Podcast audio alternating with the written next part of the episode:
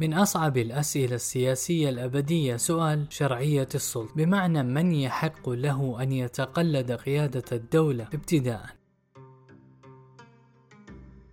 وقد لاحظ أرسطو قديما صعوبة هذا السؤال فكتب من الأمور المشكلة معرفة من يجب أن تفوض إليه السلطة العليا في الدولة ثم توصل إلى أن الاحتمالات الممكنة لمن تسند إليه السلطة منحصرة في خمس إما أن يكون الجمهور وإما أن يكون رهط الأغنياء وإما أهل الصلاح وإما من يفضل الجميع وإما أن يكون الطاغية. إلى أن هذه الفروض كلها لا تخلو من صعوبة فيما يظهر وليس يهمنا هنا دقة أرسطو في تحديد الإمكانات المتصورة ولا طريقة حله هذه المعضلة وإنما يهمنا السؤال ذاته. ثم الجواب الإسلامي عن هذا السؤال.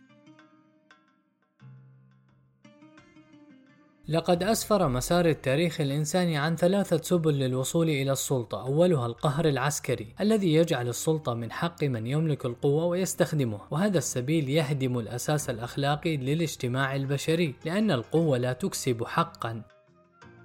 وثانيهما الوراثة العرفية التي تحصر السلطة في أسرة أو عشيرة ويسلم المجتمع بذلك بقوة الاعتياد أو خلق الانقياد بتعبير ابن خلدون دون مساءلة لحق تلك الأسرة أو العشيرة في الحكم. وثالثهما التراضي والتعاقد المتأسس على اختيار حر من الجماعة لمن يحكمها وتداول حر ينتهي بقرار لا خضوع فيه لقوة قهرية أو عرف مسيطر. وقد قدم الإسلام رؤية واضحة حال الجواب عن السؤال من له الحق في أن يحكم؟ وهو جواب يتبنى الخيار الثالث خيار الاختيار الحر للحكام عبر التداول والتراضي والتعاقد دون إكراه ولا إجبار. وجاءت الرؤية الإسلامية لجواب هذا السؤال بمصطلح إسلامي أصيل هو الشورى. وقد ورد مبدأ الشورى في قوله تعالى في وصف المؤمنين وأمرهم شورى بينهم وخلاصة مبدأ الشورى في مدلوله الأصلي قبل أن تعبث به أهواء الحكام وتطوعه ترجيحات الفقهاء في ظروف تزاحم القيم هو أن لا شرعية لحاكم من غير اختيار المحكومين له وأن الحكم من غير اختيار المحكومين افتئات وغصب لحق الأمة في حكم نفسها. ولعل أدق تعريف لمبدأ الشورى وأوضحه في دلالته النص النصية الأصلية قبل أن تغشاه الغواشي الاصطلاحية والفقهية هو ما جاء في ملاحظة عرضية لابن خلدون وهو يتحدث عن حكام بني إسرائيل بعد يوشع حيث وصفهم بأنهم كان أمرهم شورى فيختارون للحكم في عامتهم من شاءوا ويدفعون للحرب من يقوم بها من أسباطهم ولهم الخيار مع ذلك على من يلي شيئا من أمرهم. فقد تضمن هذا الوصف لحالة الشورى السياسية عناصر ثلاثة أن يختار القوم ابتداء من يحكم يحكمهم بكل حرية وأن يكون هذا الاختيار من عامة الناس دون احتكار له من فئة أو طبقة اجتماعية بعينها ثم أن يكون لمن اختار الحاكم الحق في مراقبة أدائه وعزله إن عجز أو خان. والشورى هي التي تحقق الانسجام بين إرادة الحاكم والمحكوم وتضمن وحدة الوجهة في الأمة بما يعزز قوتها ومناعتها وهذا من أعظم غايات الشرع الإسلامي وأهدافه. وقد أحسن قدام بن جعفر إذ جعل السلطة القائمة على التراضي والطاعة العفوية هي الرئاسة الحقيقية التي تستحق هذه التسمية. أما السلطة التسلطية القهرية فليست رئاسة حقيقية، يقول قدامة: الرئاسة إنما هي رئاسة عفو الطاعة لا رئاسة الاستكراه والقهر والمملكة مملكة الرضا والمحبة لا مملكة التسلط والقهر. وقريبا منه قول الماوردي السلطان إن لم يكن على دين تجتمع به القلوب حتى يرى أهله الطاعة فيه فرضا والتناصر عليه حتما لم يكن للسلطان لبث ولا لأيامه صفو وكان سلطان قهر ومفسدة دهر. وللشورى مسوغان أخلاقي وعملي. فمسوغها الأخلاقي هو تحقيق العدل في مسألة بناء السلطة ابتداء. ذلك أن السلطة السياسية أمر عام يمس حياة جمهور الناس ولا يحق لفرد أن يتصرف في حياة الناس دون رضا منه. فإن منح نفسه حق تولي هذا الأمر بما يترتب على ذلك من إطلاق اليد في حياة الآخرين وأموالهم فسيكون هذا في ذاته ظلما عظيما وتعديا كبيرا. وأما المسوغ العملي للشورى فهو أن الحكمة الجماعية أعظم وأقرب إلى الصواب من الحكمة الفردية وقد توصل أرسطو إلى هذا منذ أمد بعيد. فلاحظ أن الجماعة في تمييز أمور كثيرة تفضل أي فرد من الأفراد. وما ورد في القرآن الكريم من الأمر بالشورى مجملا ورد في الأحاديث والآثار مفصلة. وأول ما يسترعي الانتباه هنا هو حرص النبي صلى الله عليه وسلم على أن يترك لأمته حق اختيار قادتها. فقد جهد النبي صلى الله عليه وسلم واجتهد لأمته نصح لكنه لم يلزمها باختيار شخص بعينه قائدا لها من بعده. لذلك ورد عنه صلى الله عليه وسلم. قيل يا رسول الله من نؤمر بعدك؟ قال إن تؤمروا أبا بكر تجدوه أمينا زاهدا في الدنيا راغبا في الآخرة. وإن تؤمروا عمر تجدوه قويا أمينا لا يخاف بالله لومة لائم وإن تؤمروا عليا ولا أراكم فاعلين تجدوه هاديا مهديا يأخذ بكم إلى الطريق الطريق المستقيم.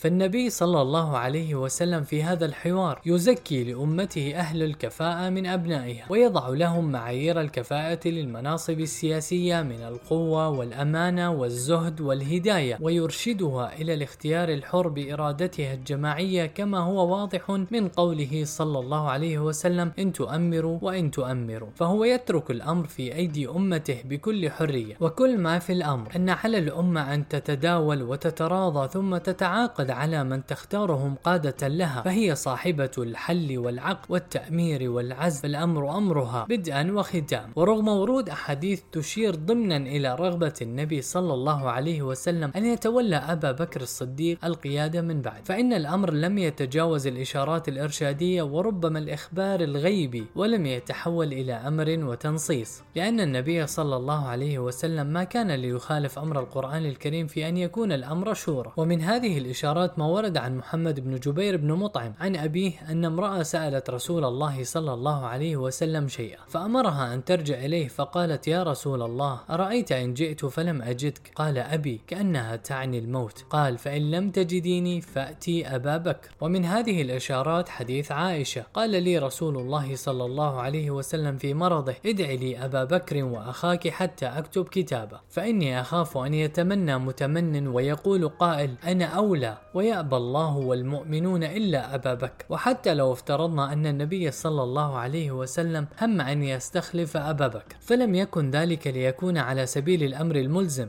وإنما كان سيكون ترشيحا وإرشادا يبقى الخيار والقرار النهائي فيه للأمة لأن ذلك هو مقتضى كون الأمر شورى. وما كان النبي صلى الله عليه وسلم ليخالف هذا الهدي القرآني أبدا وهذا ما يدل عليه قوله صلى الله عليه وسلم ويأبى الله والمؤمنون إلا أبا بكر فهذا نص في أن الأمة هي صاحبة الحل والعقد والتأمير والعزل في نهاية المطاف. وقد تعاضدت الآثار عن الخلفاء الراشدين في اعتبار الشورى مصدر الشرعية السياسية وكثرت الآثار عن عمر بن الخطاب خصوصا في ذلك. ولأقوال عمر هنا قيمة تأسيسية مهمة لسببين. أولهما أن خلافته هي أول دولة إسلامية مستقرة بعد الدولة النبوية فقد دامت عشر سنين بينما خلافة الصديق قصيرة. والثاني أن ما قاله عمر كان على رؤوس الأشهاد وقد أقره عليه الصحابة فأصبح إجماعا سكوتيا. ومن هذه الآثار قول عمر. من بايع رجلا عن غير مشورة من المسلمين فلا يبايع هو ولا الذي بايعه. وقوله ألا وإنه بلغني أن فلانا قال لو قد مات عمر. بايعت فلانا فمن بايع امرأ دون مشورة من المسلمين فإنه لا بيعة له ولا للذي بايعه. وفي رواية أن عمر قال للستة من تأمر منكم على غير مشورة من المسلمين وليس يشترط الإجماع في اختيار الحاكم لتعذره عادة وإنما يكفي حصول أغلبية. وهذا هو عمل الصحابة. فأبو بكر اعترض على بيعته سعد بن عبادة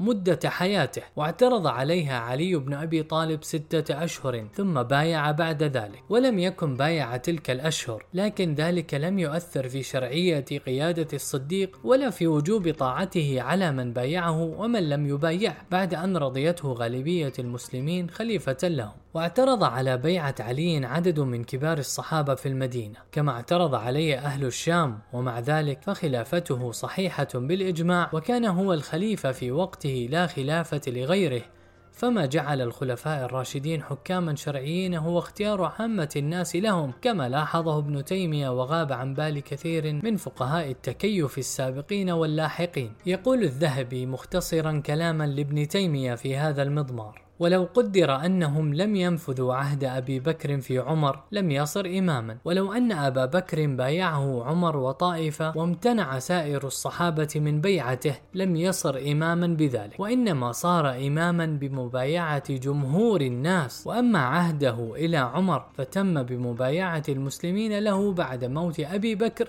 فصار إماما.